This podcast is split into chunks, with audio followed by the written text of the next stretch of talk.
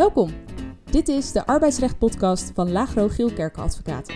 Met Annemiek Varkenvisser en Gerard Zuidgeest.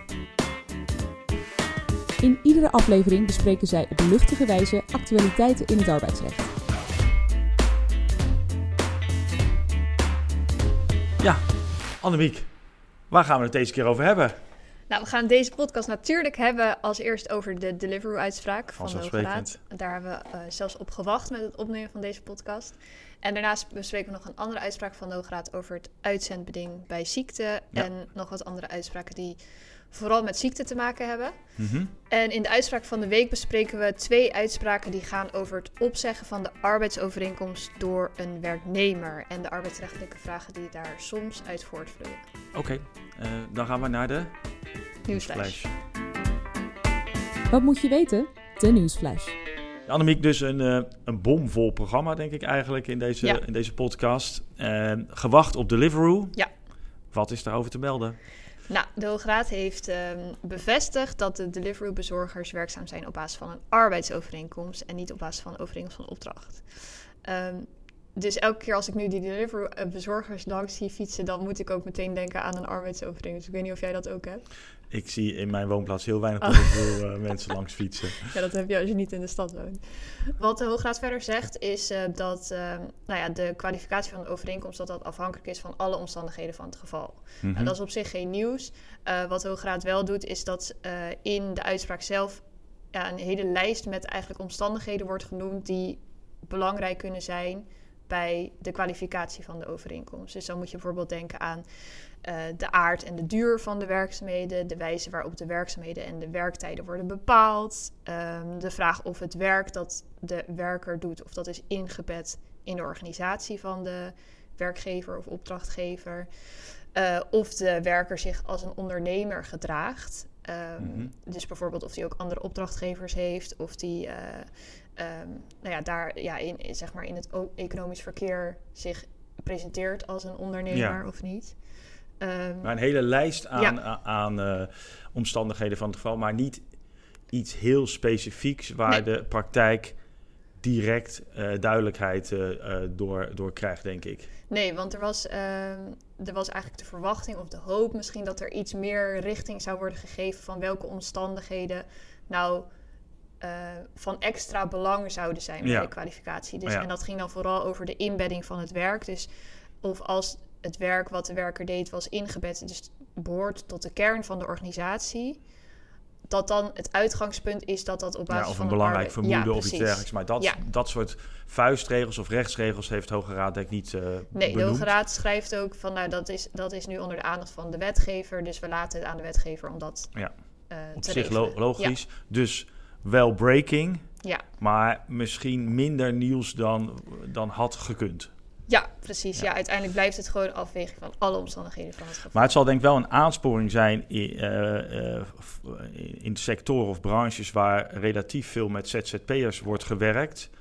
Om nog eens een keer kritisch naar die ZZP-contracten te kijken. Eh, want veel ZZP'ers zullen zichzelf niet snel als een werknemer meer zien. Mhm. En dat zal dan natuurlijk ook een effect hebben op eh, beloning.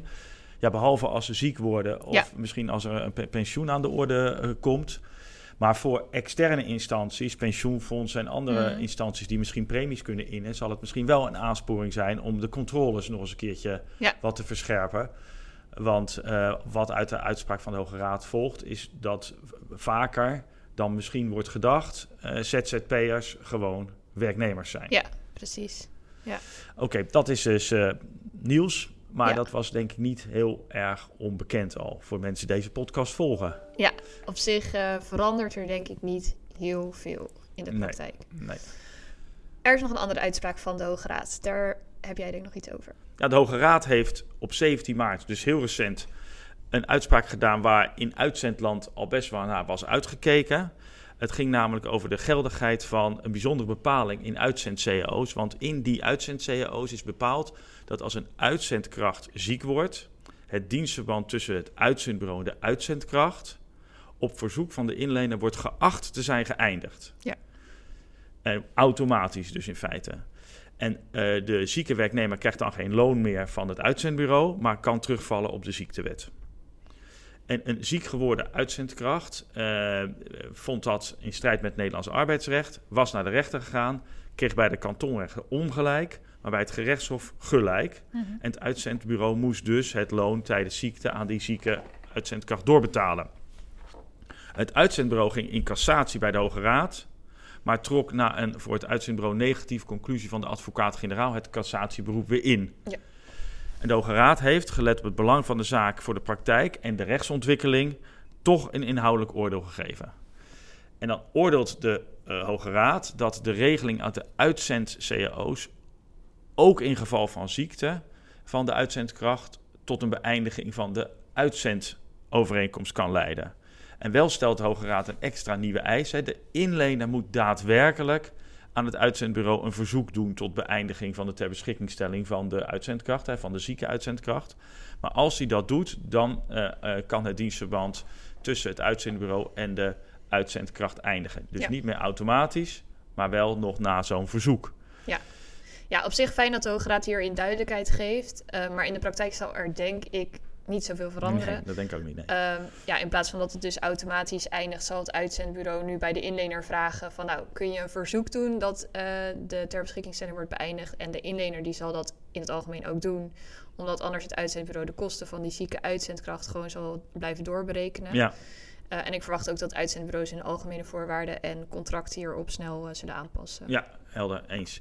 Eh, de praktijk zal hier wel een eh, praktische weg eh, mee vinden, maar toch fijn dat, het, dat er duidelijkheid is gegeven.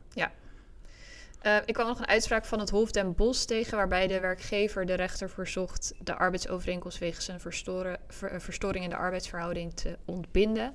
Mhm. En de kantonrechter had de arbeidsovereenkomst al ontbonden en naast de transitievergoeding 10.000 euro aan billijke vergoeding toegekend. Ja. De werknemer was direct na de ontbinding bij een nieuwe werkgever aan de slag gegaan. Ja, Ehm, en in deze zaak zie je dat, hoewel het gedrag van de werkgever ook volgens het Hof heel fout was, ehm, het feit dat de werknemer direct na de ontbindingsdatum aan de slag was gegaan bij een nieuwe werkgever, die werkgever dus eigenlijk redt. Dus het, wat het Hof bepaalt dan, eh, ook door daarop te wijzen op die nieuwe baan, dat de billijk- billijke vergoeding niet 10.000 euro is, maar 4.000 euro. Ja. Ja, de feiten zijn best wel smeuig in die zaak. Want bij eh, de werkgever werkten drie vrouwen achter receptiebalie. En zoals in die uitspraak opgenomen, was de handelwijze, de opus eh, operandi, nee, de modus operandi Ja. moet ik zeggen, eh, van die leidinggevende steeds eh, ja, best wel, best wel vervelend. Als er een foutje werd gemaakt, dan schreeuwde hij die uh, balie-medewerkers in het gezicht. En noemde hij ze domme kut. Hij smeet met deuren, maakte opmerkingen over het uiterlijk van de balie-medewerkers. En als men daar dan wel iets van zei, dan kreeg men van de leidinggevende de volle laag. En ja, zo kan het gaan kennelijk in het leven. Ja. Op een gegeven moment verklaart die leidinggevende, die veel ouder was, op verschillende momenten de liefde aan betreffende Dat dan medewerkster. Ja. Eh, ook al nadat ze, ook nadat ze duidelijk maakte dat dat eh, niet wederzijds was. En eh, uit de rest volgde dan, eh, nadat die leidinggevende moet afgewezen, wordt het allemaal nog veel erger. Nou, uiteindelijk meldt die werknemster zich ziek en stelt de bedrijfsarts vast dat sprake is van psychosociale arbeidsbelasting. En het Hof oordeelt, net als de kantonrechter, dat eh, werkgever feitelijk een onveilige werkomgeving heeft laten bestaan. En die onveilige werkomgeving, ja, de, eh, de reden is dat deze werknemer arbeidsongeschikt is geworden. Ja, nou ja, de, behoorlijk fout gedrag zou Zeker, ik zeggen. Zeker. Het hol- dat Hof eh, die bevestigt dat ook en die kwalificeert die gedragingen ook terecht als ernstig verwijtbaar handelen van de werkgever. Maar toch ja, wordt er dan maar 4000 euro billijke vergoeding toegekend. Dat is ongeveer twee maanden salaris. Ja. Ja, en dan zie je dus hè, dat het voor een werkgever echt wel kan lonen om in hoger beroep te komen als Ja. de werknemer een behoorlijke billijke vergoeding verkrijgt. Hè. Dat was in, dit geval was dat in eerste instantie vijf maand salarissen. Ja. En die werknemer na het oordeel van de kantonrechter weer snel aan de slag komt. En het is dus handig dat werkgevers dat dan ook checken eh, voor het einde van de hoge Ja. beroepstermijn. En dat is vaak handig eh, via LinkedIn of Facebook makkelijk eh, te doen. Ja. Ja. Ge- Gebruikt iemand nog Facebook? Nee, nou nee, volgens Oh. mij niet. Oké, nou, dan maar dus je kan kijken. Ja, Ja, je kan kan- altijd kijken. Ja. En dat is wel handig, denk ik, voor werkgevers om te doen. want vaak voelt het voor werkgevers soms wel een beetje als bloedgeld als men een forse billijke Ja. vergoeding aan een werknemer heeft moeten betalen. Dus uit de rechtspraak volgt, snel in die baan heeft dat een matigend effect op billijke vergoeding. Dan nog wat anders. Uh, onlangs zijn de laatste coronamaatregelen officieel afgeschaft. Maar corona houdt het arbeidsrecht nog steeds wel bezig. Er Mhm. zijn veel zorgmedewerkers die tijdens hun werk, met name dan in de eerste coronagolf, eh, veelvuldig en intensief zorg hebben verleend aan patiënten met eh, corona. En daaraan dus in 2020 zelf ook een besmetting hebben overgehouden. Ehm velen van hen hebben daar nog steeds last van, dus eh, door long-covid. En 84% van hen krijgt ook na twee jaar een WIA of een IVA-uitkering. Dat gaat naar schatting om tienduizenden mensen in Nederland. Ja, best wel een Ehm, fors probleem. Dus ja, zeker. Die uitkering is natuurlijk fors lager dan de loonbetaling was. Dus dat is nadelig voor die, eh, voor Ja. die zorgmedewerkers. De minister eh, voor Langdurige Zorg en Sport heeft in september 22 bekendgemaakt dat zorgmedewerkers die tijdens de eerste golf een coronabesmetting hebben opgelopen en daardoor dus langer dan twee jaar long-covid-klachten hebben eh, ondervonden en als gevolg daarvan minder of niet meer kunnen werken, dat die zouden worden gecompenseerd met 15.000 euro. Ja, een fixed eh, compensatie als voorschot op een schadevergoeding. Ja, precies. Eh, de vakbonden hebben toen een kort geding gestart tegen de staat als een collectieve actie. En zij vorderden, er da- vorderden daarin een eh, bedrag van bijna 23.000 euro als voorschot op de schadevergoeding per gedupeerde. En dat ook zorgpersoneel die in de tweede, tweede eh, coronagolf besmet zijn geraakt aanspraak kunnen maken op dit Mhm. Ja. vaste voorschot. Ja, ja. De voorzieningenrechter ging daarin niet mee en overwoog dat, hoe begrijpelijk ook dat de vakbonden deze vorderingen indienden, de rechter niet een dergelijke regeling kan treffen. En zolang de politiek niet tot een andere regeling heeft besloten, van geval tot geval moet worden bekeken of een schadevergoeding en eventueel voorschot daarop Ja. eh, op zijn plaats Ja, is. ja. Dus dat blijft natuurlijk toch eh, in- ingewikkeld. Daar is het laatste wordt ook zeker nog Nee. niet over gezegd, over de ontwikkelingen daarin. Eh, in het kader van long covid kwam ik nog een uitspraak tegen. Hè? Eh, want bij ziekte heeft eh, werkgever naast de verplichting tot loonbetaling ook een reïntegratieverplichting. Maar die reïntegratieverplichting geldt natuurlijk ook voor de werknemer. Die moet meewerken aan reïntegratie. En bij het Erasmus eh, MC speelde dat een zieke werknemer langdurig ziek via long van, vanwege long covid. En uiteindelijk wil, men, wil de werkgever de arbeidsovereenkomst ontbinden, omdat die werknemster in de visie van werkgever ernstig verwijtbaar handelt door eh, op haar rustende reïntegratieverplichtingen niet na te komen. Want zij komt ondanks eh, herhaalde oproepen en een de, strek en deskundige oordeel niet, ko- komt ze niet werken. Eh, terwijl er wel sprake is van een zekere mate van arbeidsgeschiktheid. Ze heeft de instructies van de bedrijfsarts niet opgevolgd. Ze heeft zonder redelijke grond eh, meegewerkt aan. eh, eh, zonder redelijke grond heeft ze niet meegewerkt aan reïntegratieverplichtingen. Nou, dat weegt de kantonrechter allemaal. Maar die vindt wel dat er een fors verwijt is te maken aan het adres van de werknemster, maar toch niet ernstig verwijtbaar. En daardoor heeft de kantonrechter, die wel de arbeidsovereenkomst ontbindt, eh, vindt de kantonrechter dat die werknemster toch rekening, eh, recht heeft op een transitievergoeding. En uit die uitspraak volgt niet, zo wordt het niet expliciet benoemd, hè, dat eh, het feit dat die werknemster long-covid heeft, een effect heeft op de hoogte van de lat. Hè, is, is als je long-covid hebt, zeker als je dat in de uitoefening van de functie hebt opgelopen, ja, wordt er dan minder hoge eisen gesteld aan het eh, ernstig verwijt behandelen van de werknemer. Dat volgt niet uit die uitspraak. Maar misschien heeft dat toch wel eh, bij de kantonrechter een rolletje eh, ge- gespeeld. Ja. Werknemer komt er denk ik genadig eh, va- vanaf. Ja. Overigens nog een laatste puntje over ziek- ziekteverzuim in Nederland. Het CBS heeft heel recent de cijfers over het vierde kwartaal 2022 gepubliceerd.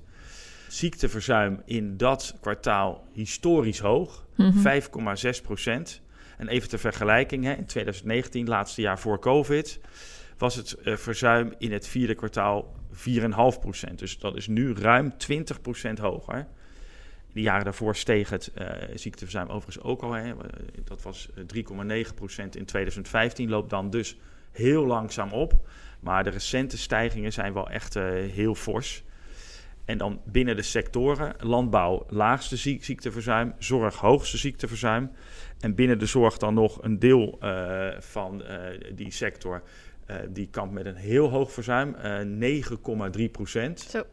Ziekenhuizen en dergelijke, ja, dan wordt het wel echt Ja. lastig om taken goed te blijven uitvoeren. En zo'n hoog verzuim lokt natuurlijk ook weer nieuw verzuim uit omdat eh, personeel wat nog gewoon werkt, ja, eigenlijk op een gegeven moment Ja. overbelast raakt, omdat er te weinig rust is. Ja, precies. Ja, het einde daarvan is zeker niet eh, in zicht. Nee. Ik wilde eigenlijk de nieuwsflash met iets positiefs eindigen, maar ja, dit is dus eigenlijk niet heel positief. Heb jij misschien nog iets... eh, Nou, eh, positief weet ik niet of je het kan noemen, maar op zich wel nog een leuke ontslag op staande voetzaak. Ik dacht dat is dan iets positiever dan oh ja, eh, nou, dat is goed. waar jij mee eindigt. Ja, Dat ging over een, eh, een kok eh, van 19 jaar oud. En die werkt bij een werkgever. Die eh, heeft op een gegeven moment opgezegd op 4 augustus. Die wie was, heeft opgezegd? De werknemer De werknemer, werkgever? Oh, de ja. werknemer, oké. ja. eh, die was dan in de veronderstelling dat hij dan nog maar tot 4 september, dus nog een maandje moest werken. Maar de werkgever zei nee, dan moet je tot 30 september werken. Dus Ja, nog anderhalve maand ongeveer. Nou, iets langer zelfs. Maar op een gegeven moment constateert de werkgever dan dat hij zaterdagavond of nacht in het restaurant alleen is. Die werknemer. Gek. Nou, die werk- werkgever vindt dat eh, onacceptabel. Dus die ontslaat hem op staande voet vanwege huisvredebreuk. Mhm. Een werknemer die, eh, ondanks het feit dat hij zelf heeft opgezegd en een andere baan heeft, vindt hij toch ehm, ehm, ja, nodig om te gaan procederen hierover. Dus die maakt bezwaar tegen het ontslag op staande voet. Die vraagt eh, de gefixeerde schadevergoeding, een billijke vergoeding, een transitievergoeding van 272 euro. Doe maar. En een immateriële schadevergoeding vanwege al het leed en de stress die hij heeft gehad vanwege het ontslag op staande voet. Aha. En dat eh, eigenlijk vooral ehm, eh, die immateriële schadevergoeding vond ik leuk uit deze uitspraak om even te benoemen. Eh, het ontslag op staande voet houdt natuurlijk geen stand. Dus ehm, nou ja, er wordt gewoon afgerekend zoals de werknemer op zich heeft verzocht. Eh, de billijke vergoeding wordt afgewezen en die immateriële schadevergoeding wordt ook afgewezen. Omdat, ehm, nou ja, de kantonrechter die noemt het zelfs schromelijk overdreven dat die werknemer daar zoveel stress en leed eh, rondom dat ontslag heeft ervaren. Ja, nee, en dat bovendien lijkt me ook nauwelijks juri- juridische grond, Nee, grondslag precies. daarvoor. Ja, en de billijke vergoeding wordt ook afgewezen, zei Ja, die wordt afgewezen omdat nou ja, de, de, de verwijtbaarheid van de werkgever die valt eigenlijk wel heel erg mee, zegt de kantonrechter. En de arbeidsovereenkomst zou toch eindigen op 30 september. Die, die ehm, werknemer heeft al een andere baan, dus de inkomensschade is ook heel beperkt. Ja. Dus daarom geen billijke vergoeding. Oké, nou dat is inderdaad eh, iets vrolijkers. Ja, Ja. dank daarvoor. Ja. Eh, zullen we dan nu naar de uitspraak van de week gaan? Ja. De uitspraak van de week. Annemiek, uitspraak van de week. Ja, er waren een aantal recente uitspraken over de opzegging van de arbeidsovereenkomst door de werknemer. En daar hebben we het in deze podcast nog niet eerder over gehad. Dus we dachten, die gaan we bespreken in de uitspraak van de week. Dus wanneer is er sprake van een rechtsgeldige opzegging door de werknemer en welke tips hebben wij voor de werkgever? Ja, eerst natuurlijk eh, back to basic. Juridisch gezien is de opzegging van de arbeidsovereenkomst een verklaring met daarin de wil gericht op een rechtsgevolg. Hè. Het rechtsgevolg is dan de beëindiging van de arbeidsovereenkomst. Eh, en in de wet wordt aan die verklaring verder geen bijzondere eisen gesteld. Hè. Die verklaring is vormvrij, kan dus ook mondeling. Ja. Er geldt, eh, misschien weet, dat weet iedereen denk ik wel, maar voor de zekerheid, hè, geldt dus ook geen herroepingstermijn eh, voor de werknemer, zoals die bij de wet, zoals die op, op grond van de wet wel geldt bij een ontslag met wederzijds goedvinden. Hè. Dat ontslag, wederzijds goedvinden, moet schriftelijk zijn vastgelegd. En die, die eisen gelden dus allemaal niet Nee. bij een zelfgenomen ontslag door de werknemer. Maar omdat de opzegging van de arbeidsovereenkomst voor de werkgever, voor de werknemer serieuze gevolgen heeft, verlies legt recht op loon, maar krijgt ook geen WW-uitkering, zijn in de rechtspraak wel extra eisen ontwikkeld die aan de verklaring van de werknemer worden gesteld. Want die verklaring moet op grond van rechtspraak van de Hoge Raad duidelijk en ondubbelzinnig zijn. Er mag dus geen twijfel zijn over de vraag of de werknemer wel echt bedoeld heeft om ontslag te nemen en de consequenties die daarvan het gevolg zijn ook daadwerkelijk heeft beoogd. Ja, en in dat kader speelt dan ook de vraag of de werkgever een actieve onderzoeksplicht heeft als een werknemer de arbeidsovereenkomst opzegt. Dus moet de werkgever bij de werknemer dan nagaan of de werknemer wel echt ontslag wilde nemen? En ehm, is dus het gevolg dat als de werkgever dat niet doet, dus niet die onderzoek verricht, dat onderzoek verricht, eh, de werknemer om die reden terecht op het ontslag Ja. kan terugkomen. En volgens de is de vraag of de werknemer moet Of onderzoeken. de werkgever, denk ik. Ja, sorry. De werkgever moet onderzoeken afhankelijk van de omstandigheden van het geval. Ja. Dus daarbij speelt onder andere mee of de werknemer over voldoende vaardigheden of kennis beschikt om de gevolgen van zijn handelen, handelen te kunnen overzien. Maar kan ook worden gekeken naar het gedrag van de werknemer. Dus bijvoorbeeld iemand die zijn spullen al inlevert, die afscheid heeft genomen van collega's, verder geen ander contact meer zoekt met de werkgever. Eh, dat duidt natuurlijk op een, op ja, de daadwerkelijke opzegging Ja, van de ja. arbeidsovereenkomst. Uh, maar je kan ook kijken naar de tijd die is verstreken uh, na de opzegging. Dus als uh, ja, afhankelijk van die omstandigheden. Um, Moet ja. al dan niet onderzoek worden gedaan. Ja, precies. Ja. Ja. De Hoge Raad heeft wel recent geoordeeld dat het dus onder omstandigheden uit het goed werkgeverschap kan voortvloeien.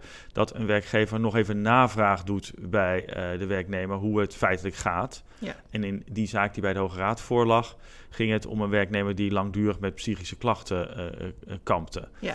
En in die omstandigheid zei de Hoge Raad, ja, uit het goed werkgeverschap vloeit voort, werkgever vraag na. Ja, maar voor de rest hangt het van de omstandigheden van het geval af, hoe ver die onderzoeksplicht op de werkgever drukt. Ja. En dus vandaag twee nieuwe uitspraken van lagere rechters over, over die vraag. Ja, en in de uitspraak, de eerste uitspraak die we dan uh, vandaag bespreken, ging het om een werknemer die op 1 september 22 in dienst was getreden voor bepaalde tijd.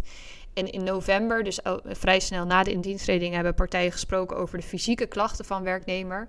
En toen is ook gesproken over de beëindiging, de eerdere beëindiging van de arbeidsovereenkomst. Mhm.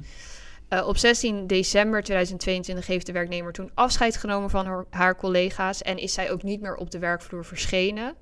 En op 30 december, dus weer twee weken later, heeft zij zich ziek gemeld, omdat zij er toen kennelijk achter was gekomen dat zij pas na het verstrijken van die tijdelijke arbeidsovereenkomst, die zou pas eind maart verstrijken, Mhm. aanspraak zou kunnen maken op een WW-uitkering.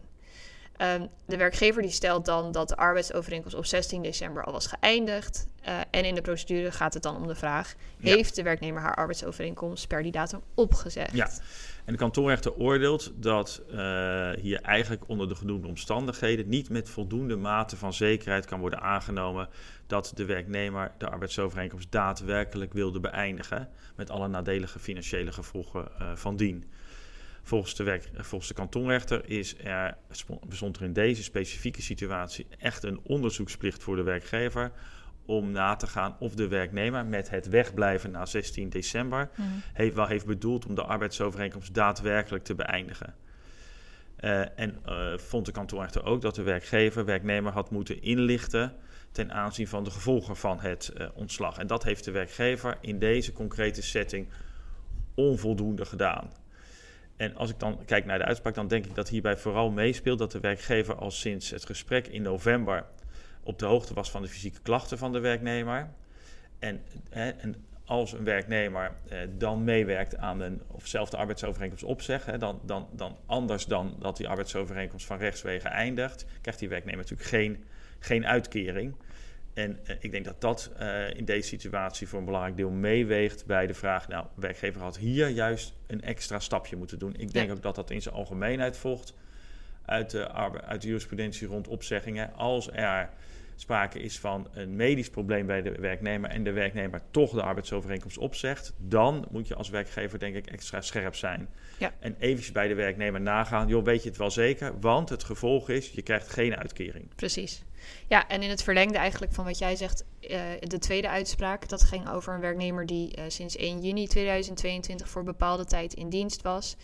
Voor de duur van één jaar. En op 29 september zegt dan de werknemer mondeling dat hij wil stoppen en dat hij iets anders wil gaan doen. Mhm. Eh, een paar dagen later moet hij overgeven op het werk en stuurt de werkgever hem dan eh, naar huis.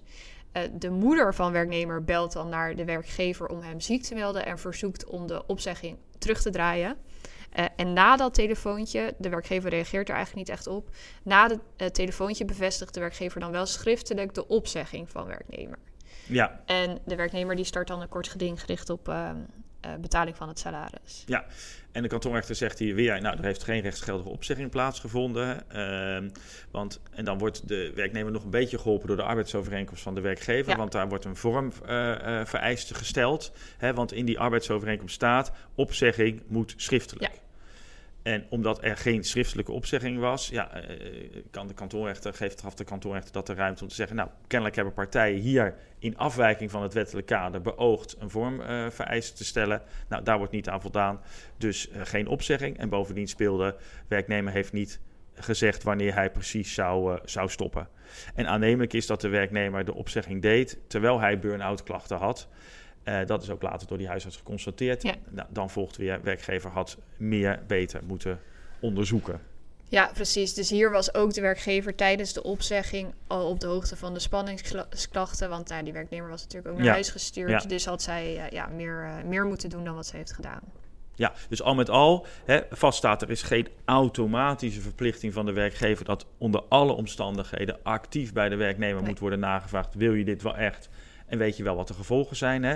Eh, de positie van de werknemer kan daar natuurlijk ook een rol in Mhm. spelen. Van sommige werknemers wordt echt wel verwacht dat zij weten wat ze doen Ja. als ze zelf ontslag nemen.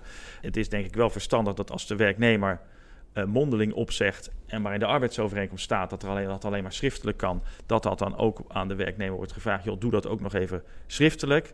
Het is denk ik ook verstandig, niet noodzakelijk, maar de opzegging eh, door de werkgever te laten bevestigen. En dan in die bevestiging nog eventjes te wijzen op de gevolgen van de, van de opzegging. En als er een zweem van arbeidsongeschiktheid eh, speelt, ja, dan is het denk ik heel verstandig als werkgever om dan actiever bij de werknemer na te gaan of daar wel echt een beëindigingswens bestaat en of de werknemer weet dat het gevolg van die opzegging is geen uitkeren.